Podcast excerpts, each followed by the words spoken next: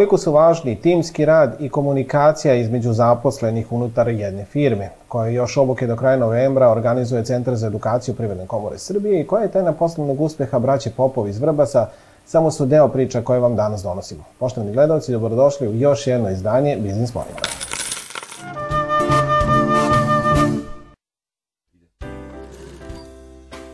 Za osnaživanje žena, žrtava nasilja, najvažnije je to da imaju svoj posao – kažu u Udruženju žena Somborske šnajderke.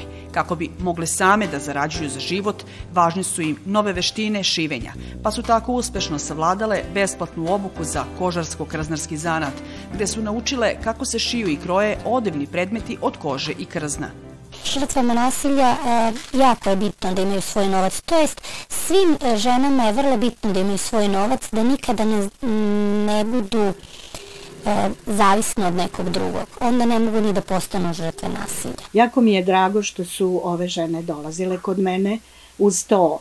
Tu ima i humanitarna poruka što se odnosi da se ove žene osnaže i osposobe za rad i meni bi bilo drago od njih nekoliko da nastave dalje da rade sa kožom. Socijalno preduzetništvo je nešto što ženama daje motiv da mogu same da stvore bolje uslove za život i svoje dece. Smatramo da je to zanat koji je u izumiranju ovde u Srbiji, tako da želimo da radimo nešto i kvalitetnije i modernije da ispratimo potrebe modernog tržišta.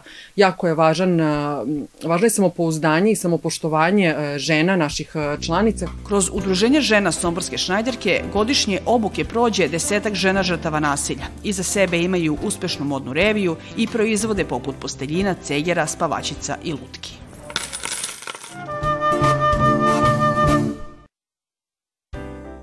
Protekle radne nedelje na produktnoj berzi u Novom Sadu zabeležen je znatan pad količinskog i finansijskog prometa, dok su primarni poljoprivredni proizvodi uglavnom pojeftinili. Kada je reč o svetskom tržištu žitarica i uljarica, važno je istaći da je američki kukuruz izgubio na vrednosti na čikaškoj berzi. Na kraju protekle poslovne sedmice na Beogradskoj berzi ostvaren je promet od nepunih 15 miliona dinara, a berzanski indeksi zabeležili su različite trendove. Američka laka i severno-morska nafta kraj prošle poslovne nedelje dočekali su sa padom cene. Kraj protekle radne sedmice na svetskom tržištu svi najznačajniji plemeniti bazni metali dočekali su sa rastom vrednosti.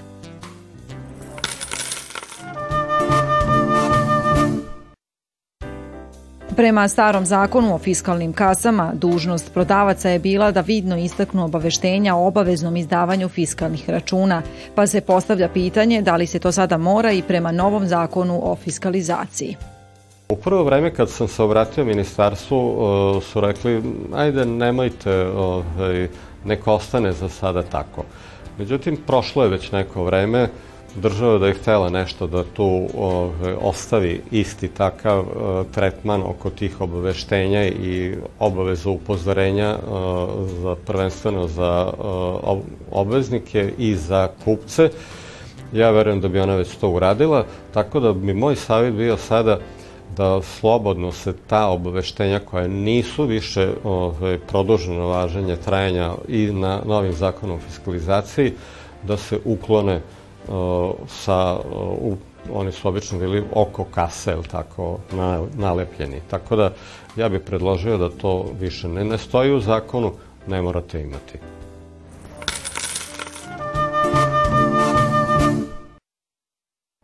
Zašto bih ja sarađivao sa kolegom ako mi je lakše da ga optužim da je nešto loše uradio, a ja zavisim od njega? Zašto bih uopšte razmišljao o svojoj odgovornosti? Upravo takvi zaposleni su oni koji stvaraju konflikte i zbog kojih radna zajednica trpi. I dobro je da ih prepoznamo već kod prvog intervjua za posao i tako sprečimo problem na samom početku. Velika lekcija jeste bila da je mnogo, mnogo, mnogo važnije naći nekog ko se uklapa u sistem vrednosti i kulturu neke firme, daleko važnije od toga šta on nosi sa sobom, sa znanjem i, i mogućnostima koje ta firma možda može da usključa. Um, pravilo nam je bilo da nikada nećemo zaposliti nekog koji je loša osoba, bez obzira koliko je dobra. Znači, nije bilo mesta za genijalce koji će da maltretiraju ljude. Loša energija je vrlo zarazna. Vrlo zarazna i lako se multiplicira. A ako neka nema soft skills, ako neko nešto a, ne poznaje ili, ili nema duboko domensko znanje ili nešto drugo, to se sve nadogradi. A loš čovek, mislim da ne može se nadogradi. Ne može tako lako, barem, da se, da se nauči da bude dobar čovek. A, jer je a, ovde kod nas tim i zaista iznad svega, iznad pojedinca, pa iznad i mene samog, kao, ajde da kažem, vođa tima. Nažalost, postoji brojne takozvane gazde koje stalno stvaraju stres i konflikte jer je to jedina sredina u kojoj se oni snalazi. Taj haos njima lično stvara osjećaj vrednosti, iako kompanija time gubi. Njih interesuje samo profit, interesuje ih pare i nikakvi drugi oblici motivacije za njega ne postoje. A ljudi kao da su na neki način izdresirani, da ih interesuju samo, interesuju samo materijalne vrednosti. Drugim rečima, ako para nema dovoljno, ako e, nemam mogućnosti da ispunim svoje želje, e, ja ću e, biti nemotivisan da radim. Međutim, prava motivacija dolazi iznutra.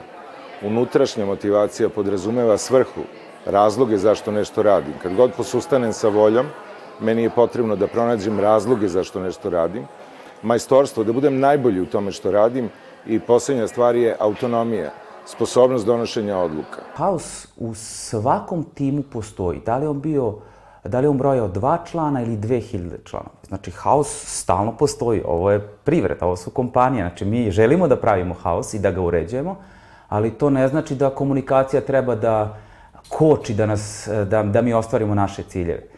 Tako da, mali tim povlači vrlo veliku agilnost i tu nema mesta za, ne, za nekim šumom u komunikaciji, za nekom netransparentnošću i za nekom vrlo, vrlo formalnom, formalnim odnosima među, među članovima tima. Ljudi nisu ispravni ili loši. Znači, ljudi mogu da budu dobri za vas ili ne, ali da su u nekoj drugoj sredini super.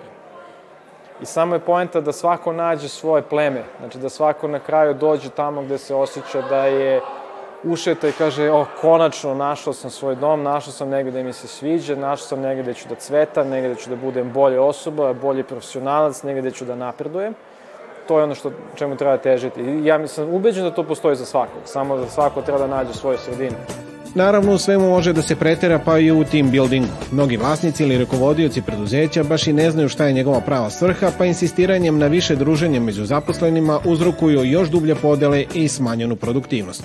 Radimo, e, pritiskam zaposlene, pritiskam saradnike, e, kritikujem stalno, pohvala izostaje i onda se družimo jednom nedeljno, idemo u kafanu, tu se ponapijamo, družimo se pod prisilom i to je neka vrsta jako loše prakse, zato što e, moramo da se družimo, zato što je šef tako rekao, odlazimo u kafanu zato što tako mora, opustimo se do izvesne mere, a onda u ponedeljak nas sačeka realnost u kome su zadaci, targeti i sve ono što uh, ruši komunikaciju. Team building, kuglana, napićemo se za vikend je rešenje.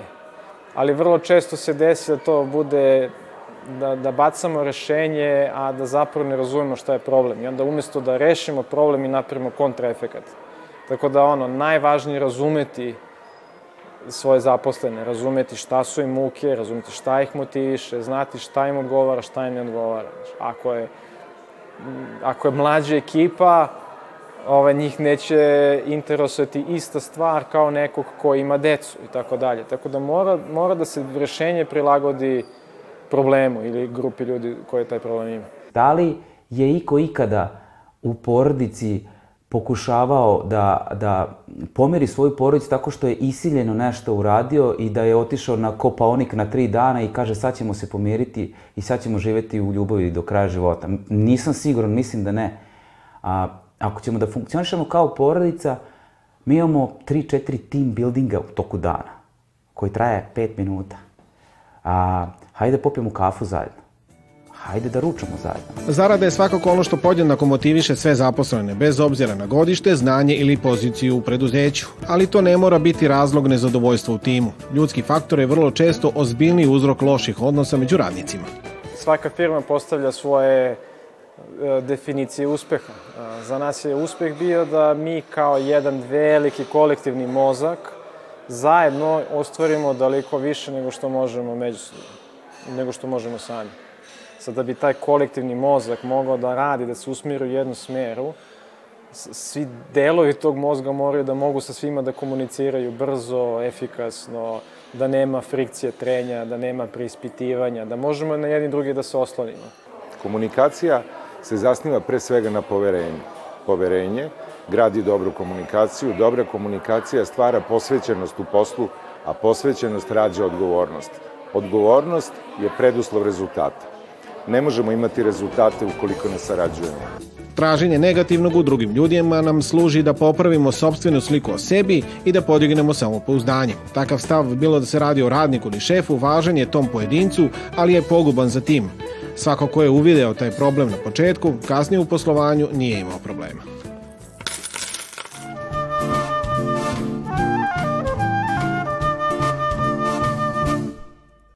Centar za edukaciju Privredne komore Srbije poziva sve zainteresovane pojedince da se prijave za učešće u obuci poslovna komunikacija, pregovaranje i konflikti, koja će biti održana 9. novembra.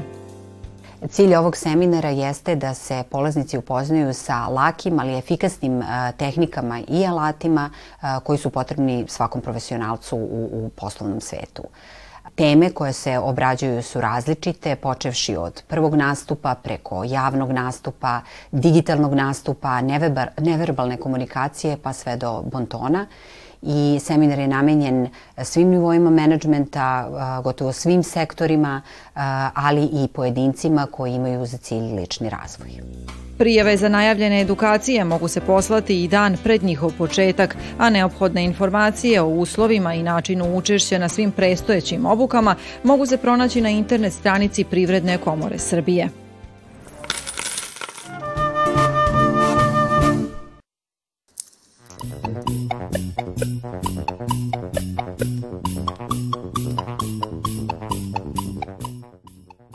Kada bi hteli da upoznate braću Popov iz Vrbasa, Predraga i Nenada, mogli bi da ih predstavite kao pasionirane statiste u domaćim filmovima i serijima ili kao estradne menadžere ili kao humanitarne entuzijaste ili jednostavno kao mi ovoga puta kao preduzetnike, proizvođače nadaleko poznatog flipsa i kokica.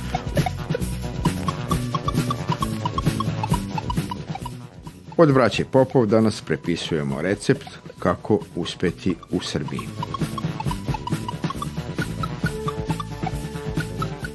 Preduzeće braće Popov je nastalo 2015. godine. Preduzeće danas ima 14 svojih proizvoda, od kojih su kokice i flips. Mimo samoga proizvodnje kokica i flipsa radimo i mašine koje možete da vidite se nalaze iza mene. Imamo nekoliko proizvoda. Proizvodi su kokice sa ukusom, fli, sa ukusom pice, sa ukusom sira i klasik kokice. Imamo isto tako i flips sa ukusom pice. Imamo nekoliko ambalaža koje su veće i manje gramaže. Otprilike proizvodimo jedno desetak tona flipsa i 7-8 tona kokica na godišnjem nivou. Sve ovo naravno nije od juče. Kada i kako uopšte sve počelo? I kako se to u stvari stiže od ideje pa do ovakve firme na dobrom glasu? Počelo je davne 91. 92. godine, pošto naša kuća u Vrbasu je u samu železničku stanicu. Tadašnje vreme je tražilo da i mi nešto probamo da uradimo za nas, tako da smo uz pomoć našeg oca napravili jedan aparat za kokice koji smo iznali na tu železničku stanicu i tamo prodavali kokice. Samo onaj višak kokica koji nam je ostajao tada, tad se kretalo dosta železnicom, jel? Nije bilo goriva, nije bilo kao danas da možete da idete sa kolima gde hoćete i na železnici je bilo po nekoliko i stotina i hiljade ljudi tada. Mi smo tada onaj višak kokica koji nam ostaje stavljali u one radnje koje su bile blizu železničke stanice i tu se je otvorila neka ideja za nekim poslom koji je, eto, posle 30 godina dožive možda i svoj vrhunac ili će je tek da, da ga doživi.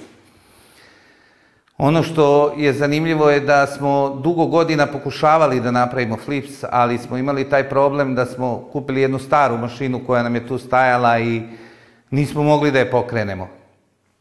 nismo znali šta je problem, pokušavali smo desetine, stotine puta, sve dok nismo uključili još jednog našeg rođaka iz Čuruga koji je došao i rekao pa ova mašina nije dobra, ne valja. Pa smo onda sami krenuli u neku proizvodnju tih mašina na taj način što smo prvo pokušavali da napravimo jednu glavu koja je radila neki 15-20 minuta, pa stane, pa drugu glavu, pa treću i onda smo uključili još neke tehnologe, još neke stručnjake koji su u toj oblasti onako zaista priznati i oni su nam rekli, pa vama imate čelik od 5, 10, 20, 40 eura, vama treba taj od 40 eura da biste napravili to što vam treba. Kad smo prvi put uzeli taj čelik i napravili tu glavu, to se pokazalo odlično. Zašto? Zato što mi imamo jednu mašinu koja nam radi 18 godina bez remonta. Znači 18 godina nije remontovana i ona radi i dalje i pravi vrhunski flips i mi smo prepoznatljivi po tom flipsu i taj flips je nešto što je naša lična karta, što je gde god da odete, u koji god deo Srbije, da odete u koji god deo Bosne, Crne Gore, vi dobijete taj flips koji je vrhunskog kvaliteta. Ono što nam je bio glavni reper za daljnje neko napredovanje je velika zlatna medalja Novosadskog sajma koju smo dobili u samom startu i u samom osnivanju našeg preduzeća. To nije samo bio reper da kažete vi radite dobru stvar, nego tu, nam se, tu, tu su nam se pojavili neki kupci s kojima i dan danas sarađujemo. I najveće firme, najveći lanci su nam došli ovde i rekli mi želimo da imamo vaš flips u našim objektima. I to je nešto što je bilo baš onako, i to je trajalo sve do korone, je trajalo baš i išlo nekom uzlaznom putanjom. Sama korona je malo to sve poljuljala, ali opet se vraćamo i opet idemo uzlaznom putanjom i nadam se da će se to nastaviti.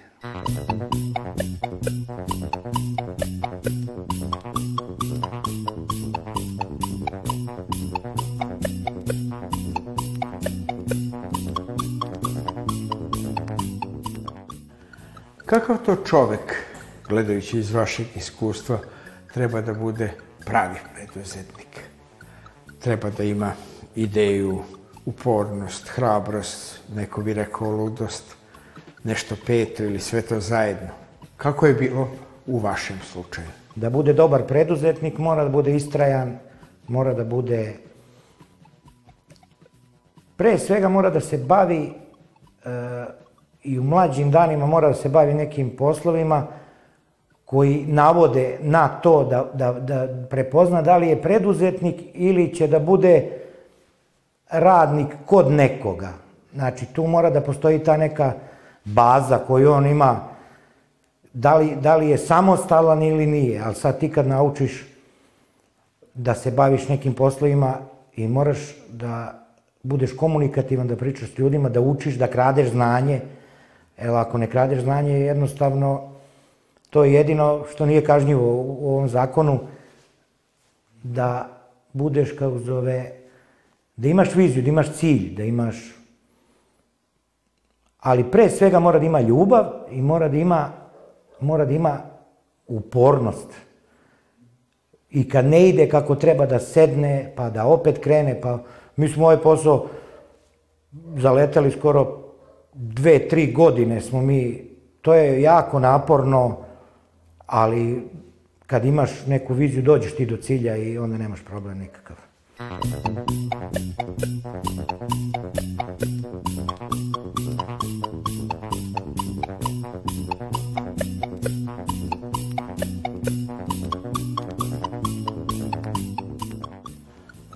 Šta je u vašem poslu najteže?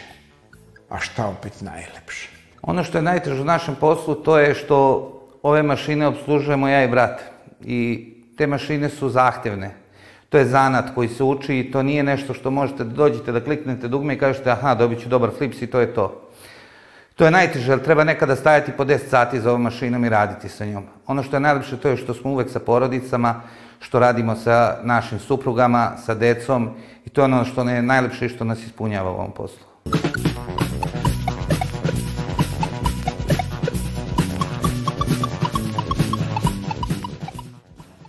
Šta ko iz vaše porodice radi u ovom porodičnom biznisu? Ko je za šta zadužen, a za šta zaslužen? Svi smo se bavili svim i svačim i smo došli do nekih logičnih dogovora, ko će šta da radi, ja se najviše bavim proizvodnjom, znači za mašinom sam, e, naše supruge, one se bave pakovanjem, deca takođe, brat Predrag, on se bavi transportom, komercijalom, ima tu dosta, znači nije to samo upališ mašinu, postoje tu i knjigovođe, postoje tu i analize, postoje tu i ovi deratizacije, postoje razno razne stvari o kojima čovjek treba da razmišlja, tako da ti upadneš što bi rekli u neobrano grožđe i treba ti godinu, dve dana da uđeš u sve te protokole koje treba da se isprate da bi ti bio, kao zove, firma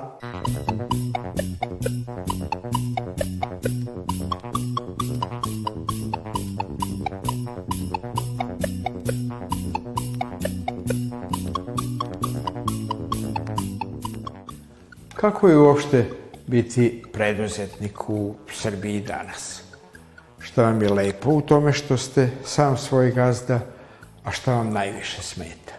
Ono što mi je lepo kao preduzetniku to je što mogu sam da svoje vreme iskoristim na najbolji način i što mogu da se organizujem tako da ako treba radim i ceo dan i celu noć, a da kasnije mogu da imam neki odmor za sebe i za svoju porodicu. Ono što mi najviše smeta je to što bi trebalo možda više da se ide na to zapošljavanje, da se to malo bolje subvencioniše i da jednostavno pokrene se, da izađemo iz okvira porodice, da dođemo na neki malo veći okvir. Jer mi imamo, mi imamo tržište koje bi mogli da zadovoljimo, a trenutno ga ne zadovoljavamo. Zašto? Zato što smo u okviru porodice.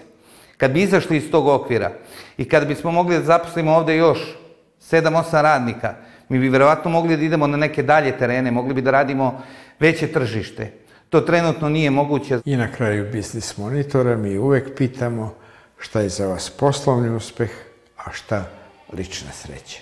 Kao poslovni uspeh mogu da navedem to što dolaze velike firme, velike kompanije da prave sa nama dogovore oko plasmana naše robe na njihove, na njihovo tržište, u njihovim marketima, što kada prošetam gde god kojim delom Srbije prošetam mogu da vidim našu ambalažu koja je izložena u rafovima prodavnica. A lična sreća? A lična sreća je što je porodica na okupu i što smo svi zajedno i što možemo sve vreme i poslovno i privatno da provodimo zajedno. To je ono što je najveća lična sreća. Poslovni uspeh prvenstveno nije novac Cijelu ovu priču što smo mi napravili i mnoge razne poslove kojima smo se bavili uvek je bilo da zadovoljimo sebe, da preživimo od toga, da napravimo neke, neke uspehe, ljude koje smo upoznali kroz ovaj posao, znači to, to je i naravno porodicu što je pored nas i to je za mene sreća. Sreća je biti zdrav, sreća je biti nasmejan, imati ljubav oko sebe i to je sreća.